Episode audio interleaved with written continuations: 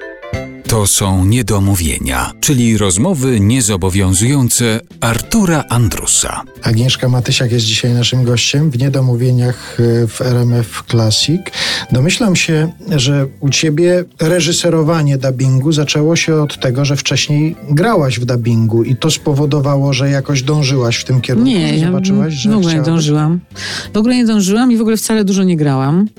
Wymyśliła mnie Beata Kawka, która ma takie pomysły różne. Ja, że tak powiem, mam z nią do czynienia już od dwudziestu kilku lat i, i ciągłe jej pomysły i ciągła praca nad sobą i nad y, otoczeniem, a ja jestem, uznaję się za jej otoczenie, mnie po prostu poraża. Ona ma coś y, z Jakubika, bo po prostu jak patrzę ile Arkadiusz Jakubik ma pomysłów i ile pracuje i jak się męczy, to ja muszę się położyć, ja muszę odpocząć, bo po prostu to mnie w ogóle... Ja jestem aktorką leniwą, a Beata ma nieustającą energię i nieustające pomysły i to ona mnie wymyśliła. Żebyś reżyserowała dubbing? Tak. Tak, i zadzwoniła do mnie, ja powiedziałam, słuchaj, ja nie mam czasu, ja w ogóle nie mam, ja w ogóle nie wiem o co chodzi, że nie umiem. Ona mówi, nie, no nauczysz się. Ja mówię, no jak się nauczę? No i rzeczywiście przyszłam kilka razy, to się nazywa tak zwana asystentura, do legendy dubbingu pod tytułem e, Miriam Aleksandrowicz. No siedziałam z tyłu na fotelu, zasnęłam kilka razy. Wiesz, to jest tak, to, to rzeczywiście jest praca, no, możesz się nauczyć tylko na ludzkim organizmie. Nie patrząc na to. Podobnie jak nie zrobisz roli, siedząc w fotelu na widowni.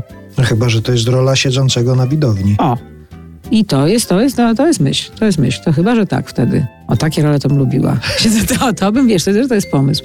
No w każdym razie musisz to, musisz to zrobić w, w akcji. I rzeczywiście ja dostałam pierwszy serial cudownym tytułem Mucha Lucha. Nie zapomnę tego. To było cudowne, z piosenkami i meksykańskimi. Bardzo dużo tych seriali y, ma naprawdę fantastyczne scenariusze i abstrakcyjne poczucie humoru. I ja mam szczęście, że ja nigdy nie robiłam takich seriali dla małych dzieci, płaskich, takich, wiesz, idzie gąska i gę, gę, gę, gę, dwie godziny, gę, gę, gę i małe gąski. Zdaniem, jak gąska idzie? Nie mówię o wyrazie artystycznym, tylko o tym.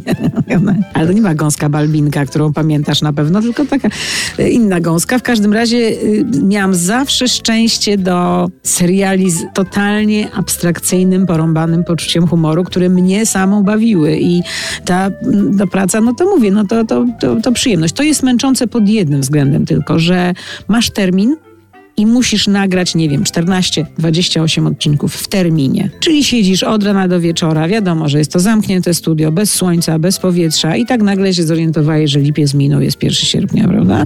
I no, to, to jest niestety minus tego, że jeżeli masz dużo pracy, to narzekasz. Jak nie masz jej, to też narzekasz. Co to znaczy to mucia coś tam?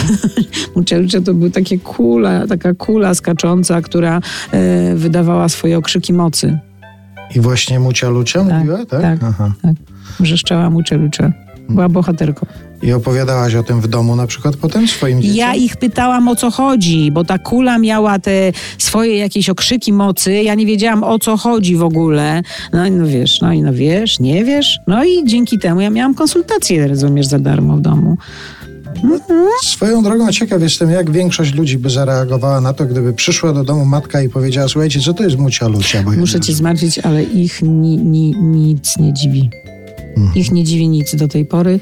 Ostatnio nawet siedzieliśmy przy ognisku pandemicznym i był nas, nasz młodszy syn z dziewczyną i myśmy tam coś przerzucali się, jakimiś tam, jakaś była rozmowa i słyszę, jak Jasiek mówi do niej "Y, nie, nie zwracaj na to uwagi, to albo prawda, albo nie, to nie, nigdy nie wiadomo. Proszę, taką mamy opinię. No dobrze, a wracając do kwestii zawodowych i do dubbingu, jest Mhm. coś takiego, co uznałabyś za klasykę dubbingu? To znaczy, że jeżeli ktoś chce zobaczyć, jak powinien być zrobiony dubbing, albo w filmie światowym, albo Mhm. w naszym polskim, to powinien sobie włączyć coś takiego i zobaczyć. Jest coś takiego? Film, który uważam za, no naprawdę, to, to chyba z tego co pamiętam robił pan Waldek Modestowicz i Nie ma mocni. Ja też uwielbiałam Toy Story na przykład. Oczywiście najlepiej nagrany jest Harry Potter. No Od bo trzeciej części. powiedziała reżyserka. Słuchaj, teraz skromność nie jest w modzie. No to może pójdźmy muzycznym tropem Harry'ego Pottera. Muzyka Johna Williamsa z trzeciej części. Harry Potter i więzień Azkabanu.